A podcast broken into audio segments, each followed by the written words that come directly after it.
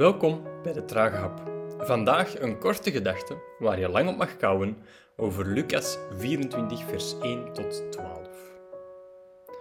Enkele vrouwen die Jezus trouw gebleven zijn, komen ochtends bij het graf. De handen gevuld met producten om Jezus lichaam te balsemen, de harten leeg. Verbijstering. De steen voor het in rotsen uitgehakte graf is weg en het graf zelf is even leeg als de harten van de vrouwen. En dan het besef. De Heere is opgestaan. In de orthodoxe kerk wordt die drie keer na elkaar gezegd, waarna de aanwezigen antwoorden: De Heer is waarlijk opgestaan. De vraag die in dit gedeelte aan de vrouwen gesteld wordt, is bijzonder betekenisvol.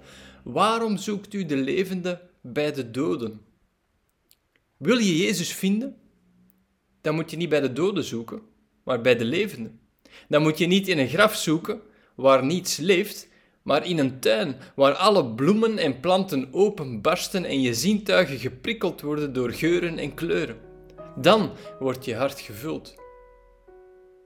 Ik wens het je toe om vandaag leven te vinden. Kou er maar verder op. Smakelijk.